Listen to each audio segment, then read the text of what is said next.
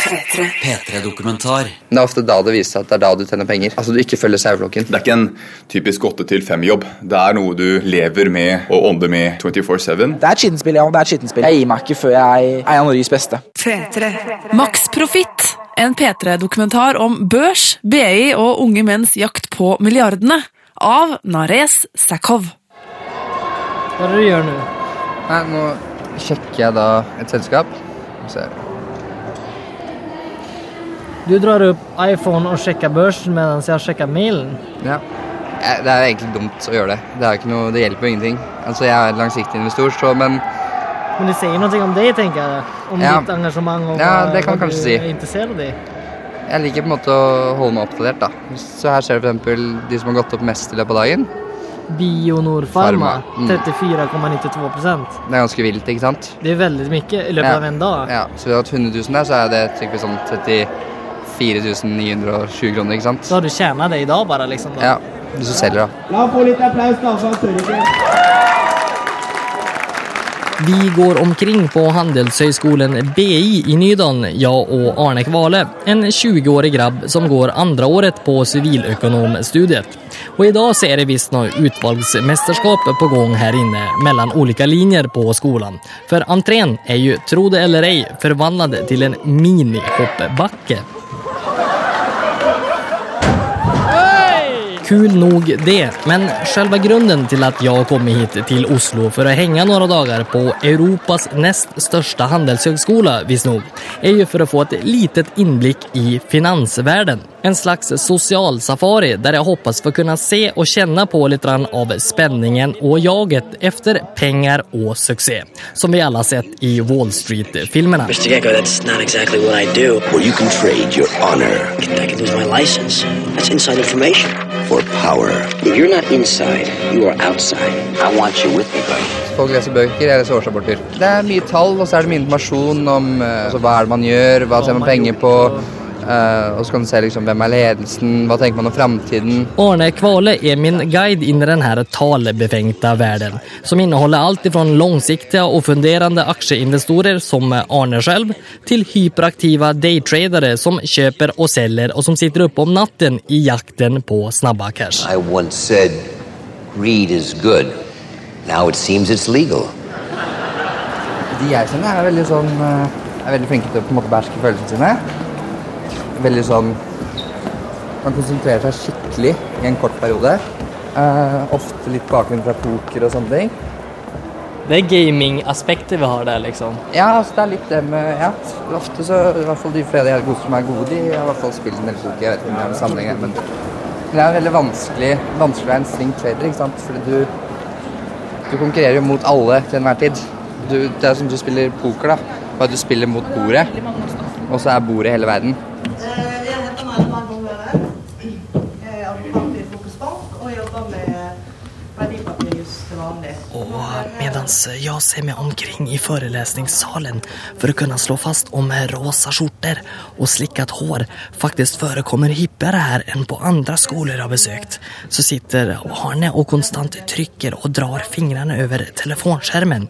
Han er visst nog i kontakt med ledelsen i et av selskapene han kjøpte aksjer i. Altså Hvis det er noe du på en måte ikke skjønner i regnskapet, hvis det er en balansepost du, du er litt usikker på, sånn, så er det alltid greit å sende en mail og forhøre seg.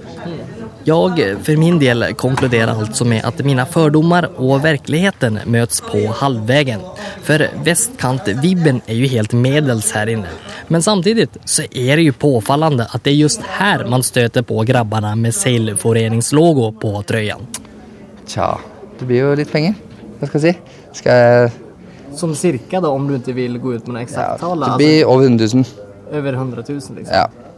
Over 100 000. Kjøper og selger du for varje år, Ikke, eller? ikke hver dag, Nei, altså, nei. men uh, altså uh, Nei, men de pengene jeg på en måte har i markedet, ligger liksom over 100 000. Mm, det er det du har å rutte med, liksom. Ja. Ja. Så da prøver man å forvalte de pengene best mulig. Altså Hvis jeg gjør en god investering, så tjener jeg penger, og da har den vært vellykket, og da blir jeg glad. Det hadde ikke jeg investert i hvis jeg liksom eh, ikke var så ivrig som jeg var, da. Inte ens i lunchen klarar Arne sluta snacka aktier. Och om hur mycket han ser upp till den legendariska amerikanska investorn Warren Buffett. Oraklet från Omaha, som han kallas, är ju världens tredje rikaste man ifølge finanstidsskriftet Forbes. Det hadde Warren Buffett også vært flink til. At han har på en måte, helt siden han var veldig veldig ung, så begynte han å lese disse årsrapportene. Og begynte å bygge seg opp veldig mye kunnskap om forskjellige bransjer og sektorer og sånne ting. Jeg sitter sikkert i hvert fall 20 timer i uken med aksjer. Og analyserer på Excel og sånne ting. Når da? Er det på kvelden eller på, På natta. På natten? Ja, så sitter jeg i Excel og koser meg. Så du studerer på dagen, Ja, så liker sover liker du noen ting da? Ja, det blir Ja. Sover, eller jeg er glad i å sove, da. Men eh, Så här har det Ja, alltså men- blivit men- efter uppenbarelsen han fick på videregående. Det var boken Rich Dad Poor Dad som han fick av sin mamma som kickade igång Arnes intresse för aktier. För boken handlar ju nämligen om hur man ska bryta sig ut ifrån det ekonomiska råttracet. fra å på en måte være en arbeidstaker til på en måte bli en business owner. da. Hvordan du skal på måte jobbe mot å nå de målene, sånne ting. Eh, når jeg leste boken, så ble jeg jo kjempeinspirert eh, og begynte å finne åssen jeg måte kan gjøre det. da. Så da fant jeg ut at for at jeg skal klare det, så må jeg på en måte ha en, altså noen penger som kommer inn på kontoen hver måned, uten at jeg fysisk jobber for de pengene. Så si at du har si kostnader på 40 000 kroner hver måned da, i form av spisekostnader, bokostnader, strøm etc. etc. Og så har du en passiv kontantstrøm som er på 5000, som tikker inn hver måned. Da har du 10 000 kroner i netto kontantstrøm hver måned, og uten at du jobber. Så i prinsippet kunne du da egentlig sitte på sofaen hjemme hver dag, og pengene tikker inn fortsatt. Og så på en eller annen tidspunkt så er målet da å få en kontantstrøm som overstiger ditt forbruk, slik at du i hvert fall ikke må hele tiden jobbe. Da har du i hvert fall friheten til å gjøre hva du vil. Men er det, om man forstår det rett, er det det liksom det å prøve å finne ut och sätt der man slipper å jobbe, Eller hva, hva er det Nei, som er, driven? Liksom? men det er det med at du har friheten til å ikke jobbe. Altså Du har friheten til å reise til Mallorca hvis du vil det, eller til Frankrike hvis du vil det. Og så kan du heller jobbe hva skal jeg si, Du kan ta en deltidsstilling da, hvis det er det, hvis det, er det du ønsker. Jeg synes det, og Tid er en knapp ressurs. Altså Den kommer jo alle tilbake. Mens vi snakker nå, så har tiden gått. Så jeg får alle tilbake den tiden. Jeg håper det du ångrar det. Nei, det, det går bra. Hej, jag kommer från NRK Radio. Ja, kom in nu. Takk skal du ha. Takk skal du ha. Jag har varit. Jag har ingen eller Så dette er da denne balkongen, noteringsbalkongen kaller vi dette. Og det er her selskapene, de selskapene som blir notert. Den første dagen de noteres, så kommer de hit, og så ringer de da i børsbjella klokken ni for å markere at dette er første dagen at aksjen i vårt selskap handles på børs. Og den er åpna, liksom? Ja. Den, ja. Hur... eh, Vi får inte ringa in där nu. Vi får lov å ringe den. Får vi det? Kan, Vi får lov å ringe så mye vi kan. Nej, men jag vill jättegärna höra hur det låter.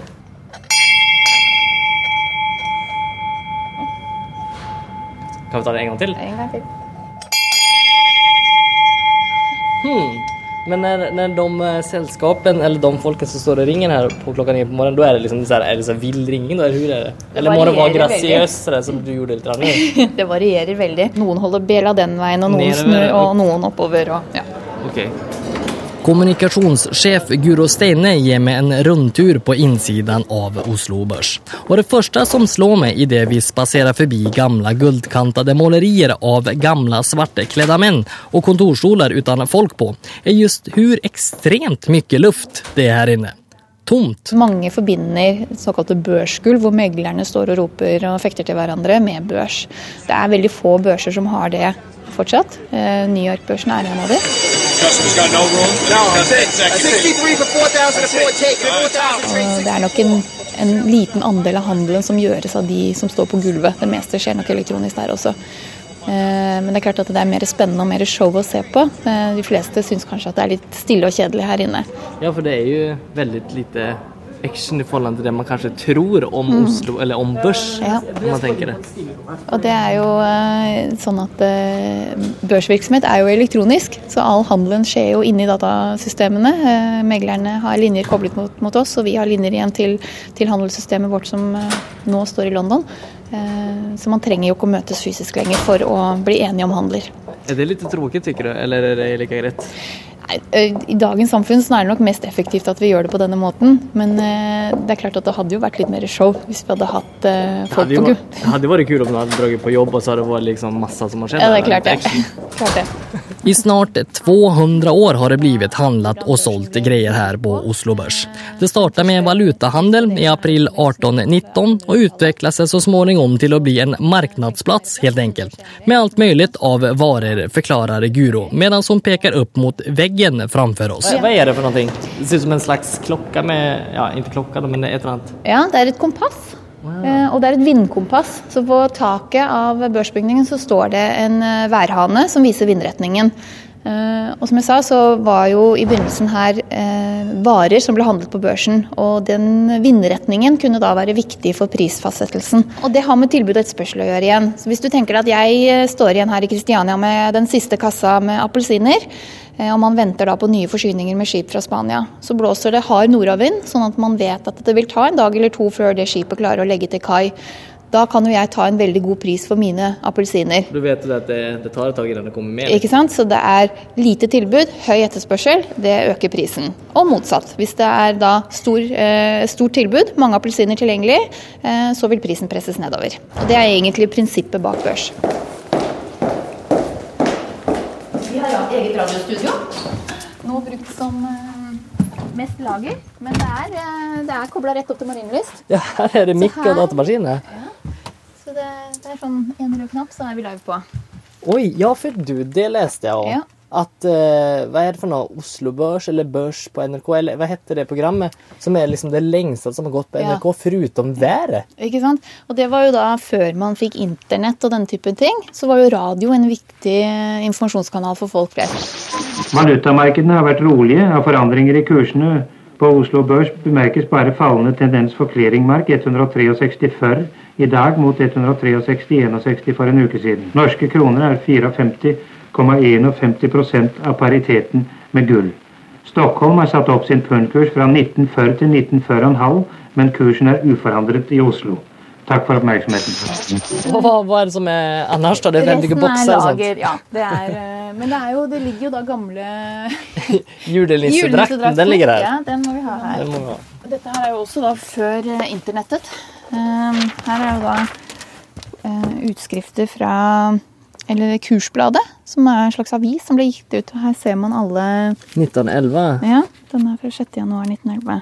Vill du si da, hvor viktig har børsen, eller børsen som de sier da, hvor viktig har den vært for eh, Norges ekonomi historisk sett? Altså, Den har nok eh, vært viktig fordi den er med på å skaffe kapital til næringslivet. Eh, og børser vil du finne i de fleste land. Og det vi ser som er ganske interessant, er at f.eks. i Øst-Europa, etter hvert som landene frigjorde seg der og ble selvstendige, noe av det første de gjør, det er å etablere en børs. Nettopp fordi at da kan man eh, bruke børsen som et instrument for at næringslivet kan få tilgang til kapital som de trenger for å drive verdiskapning. Så det er på en måte en viktig del for den generelle økonomiske veksten i et land at eh, næringslivet har tilgang til kapital. Og da er børs et viktig sted å, som man kan bruke. Kan vi komme inn? Är det hemmelig? Ja, det er her inne. Her er alltid mulig. Dette er P3 som lager dokumentar om børs. Men vi skal bare vise det som det aller høyeste. Dette er da markedsovervåkningen. Ah, det här, Her sitter vi det her det skjer, liksom. I ett rum som bara osar övervakning med överdrivet många dataskärmar och klockor finner vi altså den så kallade börspolisen. Bebrillade kvinner og menn som skal se til at all handel her inne foregår rent, informerer chefen Christian Falkenberg Kjøde. Så sitter vi egentlig og overvåker alt fra sekund til sekund. Så sitter vi med alarmer og liksom følger opp at, eh, at alle aktørene melder det de skal, og ikke melder ting som de ikke skal. Så. Så då ser ni på skjermen och övervakar och så tar den telefonen och ringer och snackar med folk. Hej, vad skjer liksom eller? Det är nämligen helt essentiellt att all information om aktieselskapen ska vara så öppen som möjligt så att alla i marknaden köper och säljer på samma premisser till en korrekt pris. För när aktieselskap börsnoterar sig för att skaffa sig investorer så måste man samtidigt offentliggöra regnskapen så att absolut alla kan checka hur bra eller dåligt det egentligen går. Och det er her triksingen foregår. Når man sitter på en hemmelighet, og dermed vet mer enn resten av marknaden og utnytter det i en aksjehandel.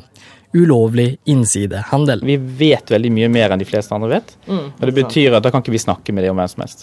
F.eks. med sin kone en gang, så kan vi ikke Nei, snakke om dette får, som det er mye du ikke får lov til å snakke med Absolutt. Even om det er et eller annet dramatisk som skjer på jobben. Så er det såhär, Absolutt. ni er veldig dedikerte, då antar jeg, de som sitter der. Veldig. Absolutt. Og det har liksom litt, både med de som vi har her, har vært her veldig lenge. Vi har veldig stabil eh, arbeidsstokk på akkurat denne avdelingen her. Men det er flinke folk som har vært her lenge, og som kan veldig mye om markedet. Og som ikke snakker med kona si. Ja, det, det, det er en utrolig bra fordel, kan jeg tenke meg. At det, man må være dysfunksjonell på et slags sett. Ja. vinner 50K. Finalen, da, så det er for seint. Får satse på at du vinner. 10% til meg. Och vad, det- vad det han skulle på sa Han skulle på en sånn case-konkurranse. For meg i alle fall så er det, det er ikke noe tvil om at de som jobber innom bransjen og er interessert i det her, er smarte folk. Man må jo være smart og forstå og ha peiling og kunne analysere sånt. Men, men tror du det er mer grådige folk enn annars det at man vil tjene penger? Ettersom det er jo det, altså max profit som de snakket om till exempel på i går. Jeg tror det kommer an, veldig an på hvordan du definerer grådighet. I mitt hode så blir det sånn veldig subjektiv. Altså Grådighet for meg er kanskje ikke det samme som grådighet for deg. Så det blir jo veldig vanskelig å snakke om Altså, er folk der mer grådige enn andre folk? Så det aner jeg ikke ingenting om. Men hvor opptagen er du av penger, da? Vil du si her selv? Um, jeg har et helt normalt avslappet forhold til penger, tror jeg. Uh, ja.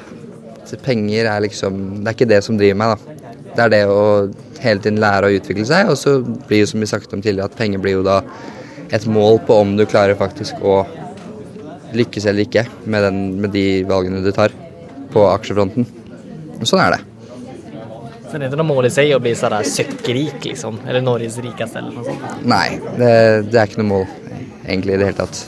Er det her ni henger, liksom? Det er vårt område. Det er sånn børsgruppens område. Arne och jag hookar upp med hans kompis Fabian Harrang uppe på BI-biblioteket. Vi diskuterar om kapitalismen borde reformeras och om hur viktig mänsklig psykologi är i marknaden. Man må nok være mest mulig robotaktig og ikke ta høyde for sine følelser ja, i aksjemarkedet. Tar du høyde for dine egne følelser, f.eks. Når, du, når det begynner å gå nedover, så er det veldig mange som faktisk får høyere risikoappetitt. Altså når det begynner å gå nedover, eh, så tilsier det at okay, risikoen blir høyere og høyere for at du kommer til å tape mye penger. Men likevel så er det flere og flere som virkelig kommer til å holde på den aksjen, for de tenker at den kommer til å gå opp igjen, den kommer til å gå opp igjen. Fabian er 23 år, studerer finans og har en ukentlig spalte i Finansavisen. For han er nemlig leder i foreningen Unge aksjonærer, noe vi skal komme tilbake til under aksjemiddagen vi skal på senere i kveld.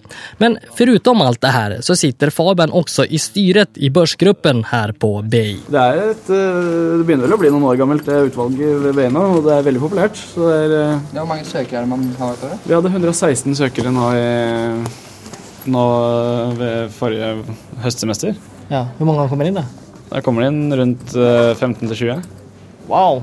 Hva, hva, skal til for å komme inn i denne børsgruppen? Du må, eh, du må egentlig bare vise at du har veldig interesse og veldig lyst til å være med på det, for vi gjør veldig mye. Eh, Vi har møter en gang i uken. Eh, Noen av oss har møter to ganger i uken, sånn som jeg og Arne.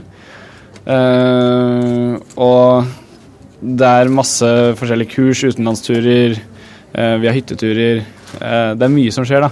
Så vi må liksom eh, plukke ut de som virkelig sier at Eller vi merker at dette er noe som de kommer til å bruke tid på, noe som de ønsker å være med på. Mm. For å ha folk som ikke har lyst til å være med, egentlig, eh, og tar opp plassen til noen som kanskje kunne hatt veldig lyst, det er ikke noe vits i.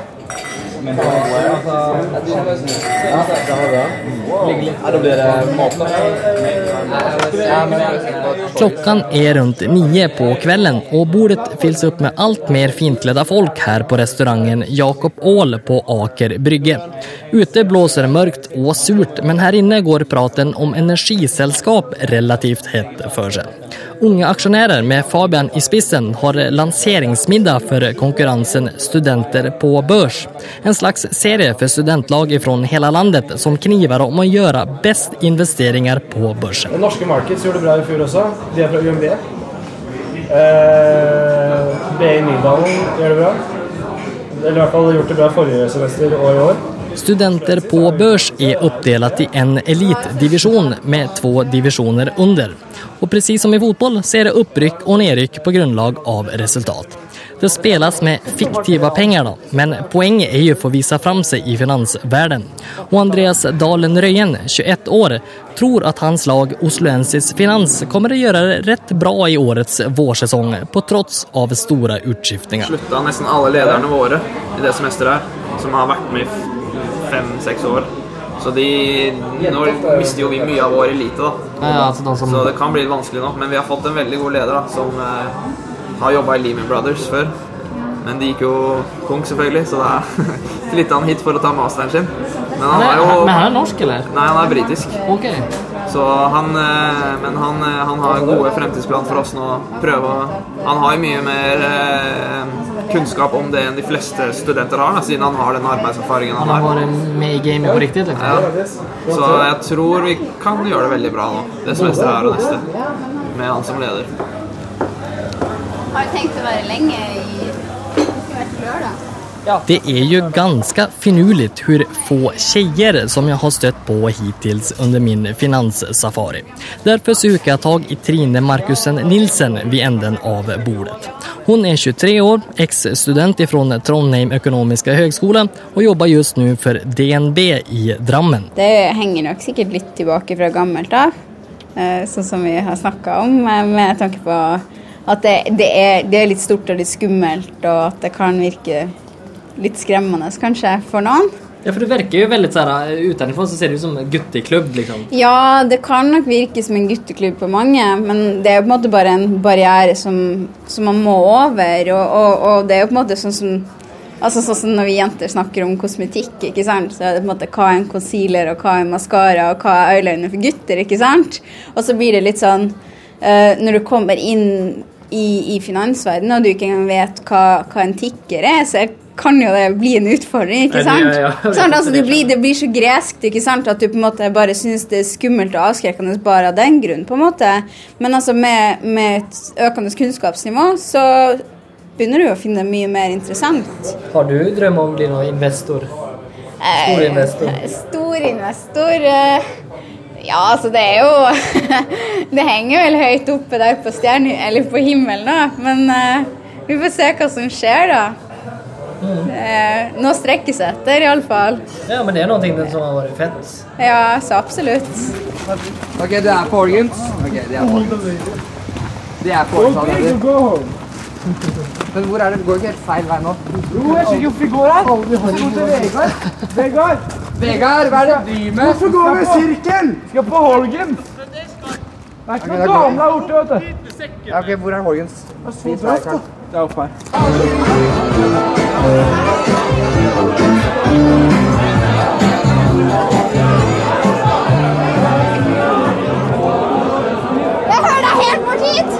Jag har ingen aning hvem det der er som skriker i øret, Men kanskje er det et tecken på at det er dags å stikke. For det første har jeg tappet bort aksjegrabbene i festsvermen her inne. Og for det andre så skal jeg opp relativt tidlig i morgen og snakke med en person som kontrollerer over 40 miljarder kroner i marknaden. Och sen också förhoppningsvis möta en ung grabb som det ryktas om har både tjänat och förlorat miljonvis av spänn de sista åren på daytrading. Men först, lite mer disco innan sängen vet jag.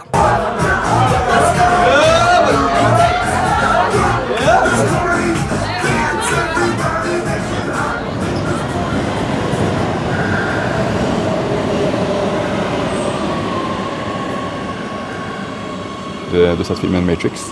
Ja, det er det Matrix, jeg tenker på. ikke sant? Hvor tingtallene bare daler ned, og, og vedkommende som har sett det her, ser bilder og hva som skjer. For meg så er dette her eh, ikke langt unna. ikke sant? Det er mye grønt her, så vet du f.eks. at eh, Asia har eh, gått veldig bra. Og det har kanskje skjedd et eller annet i Asia, og så ser du senere eh, på andre steder hva som er årsaken til det. Olav Chen er 34 år og fondsforvalter. Hans jobb er å dekode blinkende tal på skjermen og spå framtiden i marknaden og plassere penger deretter for Storebrand kapitalforvaltning, som rår over 400 milliarder norske kroner. Jeg jobber i et team eh, som kalles for allokeringsgruppen. Eh, vi alene er eh, et team på eh, fire personer som forvalter 10% ca. av de 400 milliardene. Så vi forvalter 40 milliarder. Det bestemmer ni over de pengene, hva ni skal gjøre med dem? liksom? Ja, da bestemmer vi i stor grad hva vi skal gjøre med de pengene. Eh, om vi skal investere pengene i aksjer. Eh, hvilket aksjemarked skal ha pengene i norske aksjer, i eh, amerikanske aksjer, europeiske aksjer, asiatiske aksjer osv. Eller om vi skal ha pengene i noe som vi kaller obligasjoner, som er rentebærende papirer. Eller for å være helt eh, sikker at vi ikke taper noe, eller som dermed gir lav avkastning, og bare ha pengene i banken. Så min primære jobb er faktisk eh, å allokere, eller flytte, de 40 milliarder pengene mellom ulike aktiva-klasser, som vi kaller det, og som gir høyest mulig avkastning. Från en massiv og grå kontorsbygning i Bærum tar altså Olav avgjørelser hver dag så at bedriftene som har livsforsikringer og pensjonsavtale for sine ansatte hos Storebrand skal få mest mulig igjen for sine sparepenger i framtiden. Og jo visst, ibland så bommer man totalt og mister flere millioner spenn. Noen ganger har jeg sovet eh, dårlig når man taper penger, selvfølgelig. Eh, Så det, som jeg har sagt tidligere til mange, er at det blir en, eh, den jobben som jeg og mange har, tror jeg er en livsstil. Du, det er ikke en typisk åtte til fem-jobb. Det er noe du lever med og ånder med egentlig 24-7 i forhold til at eh, du alltid er klar over hvor markedet er og har en oppfatning hvor det skal. Eh, Og at du kjenner på kroppen hvis det går dårlig, men samtidig du kjenner på kroppen også hvis det går bra. At du er veldig tilfreds da også. Så det, det er mer en livsstil hvor resultatet, kanskje mer enn i alle andre jobber, teller veldig mye. Fordi det er så målbart også. Fordi hver dag så blir du målt. Hver dag så får du et tall som sier om du har tjent eller tapt penger. Hver dag så blir du eh, målt i forhold til eh, avkastningen som eh, du har gjort på dine investeringer. Jeg tenkte på en gang for et jævla jag. Eller kjennes det ikke sånn for deg? Jo, För det blir et, kanske eh, fett, det blir et vad? ja- men det er jo som du sier, det er jo spennende. Det er jo, Du føler at du er eh, in action, eller du er eh, Du følger med Du kjenner pulsen på egentlig verdensøkonomien. da, ikke sant? Selv om du sitter her, så har vi jo gode informasjonskanaler som uh, sier hva japanske aksjer handles på i dette sekundet. Så du er på en måte veldig interlinkt i forhold til det som skjer i verden. Og det jeg syns er veldig interessant, er jo at i Norge er det f.eks. kanskje oljeprisen som styrer mye av resultatene. med. Men i den globale verden så er politikk og mye annet som spiller inn i forhold til vurdering som du må gjøre. ikke sant? Skjer det et eller annet i Midtøsten i forhold til Iran, USA, så kan det påvirke oljeprisen. Påvirker det oljeprisen, så påvirker den amerikanske økonomien. Påvirker den amerikanske økonomien, så vil det eh, påvirke den amerikanske børsen. Påvirker den amerikanske børsen, påvirker det Oslo Børs. Du, jag bara såg det här. Är det här en eh, Fingeravtrykk, ja. fingeravtryck? Ja, ja. Det Hva, her koster hva jo må den til? Ja, jeg må bruke For å komme inn, så Mission Possible. Nei. Ja, men det är jeg så skal- här, jag har aldri sett på en... Ok? Nei. Ja, nei, det er, eh, Hver dag må jeg put- putte fingeren her. Ja, For å logge inn på Bloomberg. Fordi det her, den informasjonen, bare for, det, for å få tilgang til det systemet her, koster jo flere hundre tusen per bruker. Ok? Cirka 150 000. 150 000. Så når du skal liksom komme hem på morgenen, så må du liksom på med fingrene? Shit. Sånn eh, Informasjon er uh, Det er liksom nøkkelen? Informasjon er nøkkelen, asseten. Ha- Det er jo at du skal ha best mulig informasjon, mest mulig korrekt informasjon, og så skal du gjøre beslutning ut ifra det. Og uh, har du en informasjons fordel eller kompetanse som gjør at du eh, skjønner utviklingen bedre enn andre, så vil det helt klart hjelpe deg i forhold til de, å gjøre de riktige beslutningene og investeringene. Hva er det for musikk du lyssnar på? Spotify? Spotify, ja. Det er litt sånn hiphop-barnaby. Det er kult å vite at uh, sparepengene de flyttes Flytter mens Mens eh, du hører på, på JC og Ja, men det er jo sant. Det er ikke tvil engang. Mange har så utrolig mange fordommer. Altså At det er utrolig mye risiko, at det er eh, at det, er umulig å spå om en valuta skal opp eller ned, og at det er, eh, det er eh, umoralsk, har jeg hørt fra mange. Og at det er, det er Umoralsk, hva, hva, hva ligger i det da? Nei, altså. Nei, altså du kan si at uh, 98, altså jeg, jo, jeg har ikke noen estimater konkret på det, men jeg har hørt at uh, over 95 av, av, av all handel i valutamarkedet er jo uh, spekulasjon. 95 Eller mer, faktisk. Kanskje så mye som 98% Ja, Sånne folk som deg som vil tjene ja, penger på ja, det. ja. Mens, ja, ikke bare ja, som meg, men også banker og store, store investorer.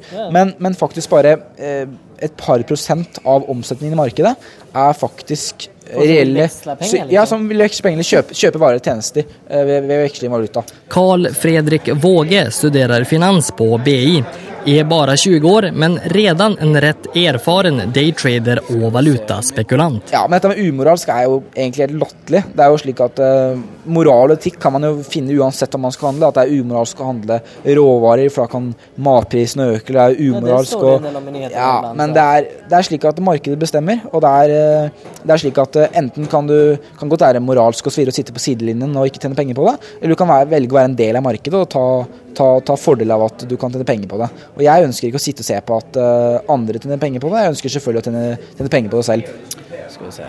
Carl Fredrik kommer med skjorta, slips og laptop rett ifrån et konsulentmøte der han snakket om de enorme mulighetene innom valutahandelen. Vi slår oss ned i en soffa her på Litteraturhuset i Oslo. Og mens Carl Fredrik slenger av seg sine svarte kalosjer og bretter opp laptopen for å vise med ulike populære valutakryss, som eurodollar, så beretter han hvorfor han slutta med aksjehandel på Oslo Børs og i stedet begynte med valutahandel på nettet. Altså Oslo Børs er jo kanskje den, en av de børsene i verden som har størst innsideinformasjon. Eh, og grunnen er at eh, det er jo eh, aktører som sitter på informasjonsfordeler som andre aktører ikke har. Det er ikke fair play, eh, det er et skittent spill. Eh, rett og slett. Det er et skittent spill, ja. Det er et skittent spill. Det er noen personer som, eh, som tjener mye penger på at de sitter på informasjon som de egentlig ikke har lov til å sitte på. Og selvsagt så er det ikke mange i dag som blir straffet for innsid- innsideinformasjon, men mens i, i valutamarkedet så er det desentralisert, og det er, det er ingen som sitter med noe særlig, eh, særlig fordeler på informasjonssiden. Eh, som, så jeg, jeg ser vi at euroen, dollaren eh, gikk, gikk kraftig opp. Gikk kraftig Der skulle opp. du ha vært med. Eh, Der skulle jeg vært med, der skulle jeg gått long. Da hadde jeg kunnet tjent eh, gode penger. Um, men vi, eh, men vi ser at eh, Nå gikk den rett ned igjen, så ser at det, der, eh, det, var, var en kortvarig, kortvarig glede. Um, men ulovlig innsideinformasjon er jo innsideinformasjon som da personer da får, som ikke kan bevises. Gjerne kanskje nær, venn, altså nærstående personer til personer som er tilknyttet liksom. via via. Og dette er ting som ikke veldig kan, vanskelig kan bevises. Og det er, er, er, de gjør det ikke på telefon, de gjør det jo gjerne i et, eh, et rom hvor det ikke er noe avlytting eller noe som helst. Og det er ikke noe tvil om at innsideinformasjoner skjer dagligdags på Oslo Børs. Eh, Det er, jo, det er jeg helt sikker på. På det meste så kjørte Carl Fredrik på med et 20-tals handlare per dag og satt oppe om natten framfor skjermene. Men nå så har han tatt en paus for å lese seg opp på litteratur om valutahandel og psykologi innan han skal kjøre i igång for alvor igjen. Målet er å lese sannsynligvis et, tretalls, et tresifret antall med bøker før jeg starter ordentlig igjen. Eh, For å være, være mer forberedt på, på et helt nytt nivå. Og even om han har veldig lite lyst å snakke konkret om hvor mye penger han skaffet og blitt av med gjennom daytradingen de siste tre årene, så kan vi vel si at det var mye penger. Veldig mye. På veldig kort tid. Men det, det gjelder jo på en måte ikke å være for grådig. da. Eh, Nå har jeg på en måte, jeg opplevd å være for grådig også, og det har gått riktig galt et par ganger. Så det er eh, Nei, altså, jeg, er jo, jeg har jo Jeg har jo tapt, eh, tapt en god del penger i perioder fordi jeg har vært, blitt for grådig. Eh, rett og slett at, eh, man har, at man ikke har sett seg fornøyd med den profitten man har klart å tjene. Og dersom du ikke klarer å, å gjøre tilstrekkelig informasjonsinnhenting og tolke informasjon tilstrekkelig, så er du nødt, du blir nødt til å ta andre tradere og spise, spise deg levende. Rett og slett. At de stjeler, stjeler pengene dine. Og det er jo det som det hele handler om. Pengar.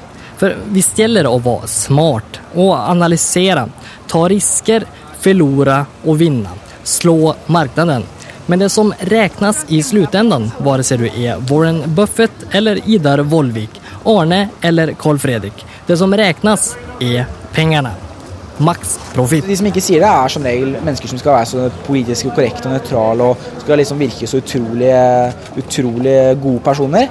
Men eh, de fleste av de personene ljuger. Eh, Det er penger som driver mesteparten av disse personene. Og det er latterlig at de skal stå i media og fortelle at, eh, at, det er, at det er Nei, det er, det er andre ting som driver det. Penger er alltid en faktor som er veldig viktig. Uansett hva du driver med. Og mange har jo sagt Jeg har fått flere bemerkninger på at jeg kommer til In the long run så kommer jeg til å gå på smeller og kommer til å tape alle mine penger osv. Og, så og det skal jeg selvsagt motbevise. Mitt mål er å bli en av Norges beste innenfor valuta om kanskje 15-20 år. Uh, og jeg er villig til å ofre all min tid for å, for å, bli det. Husk på det er mange aktører her som har holdt på med dette her i veldig veldig mange år, kanskje 30-40 år. Så det er veldig, helt urealistisk å bli det på kort sikt. Men jeg mener om 15-20 år, hvis jeg fortsetter i like stor grad uh, og, og, og, og studerer like mye valuta, så kan jeg faktisk bli en av Norges beste. Og det er målet mitt. P3-dokumentar søndag klokka ni på P3 og når du vil på p3.no. P3.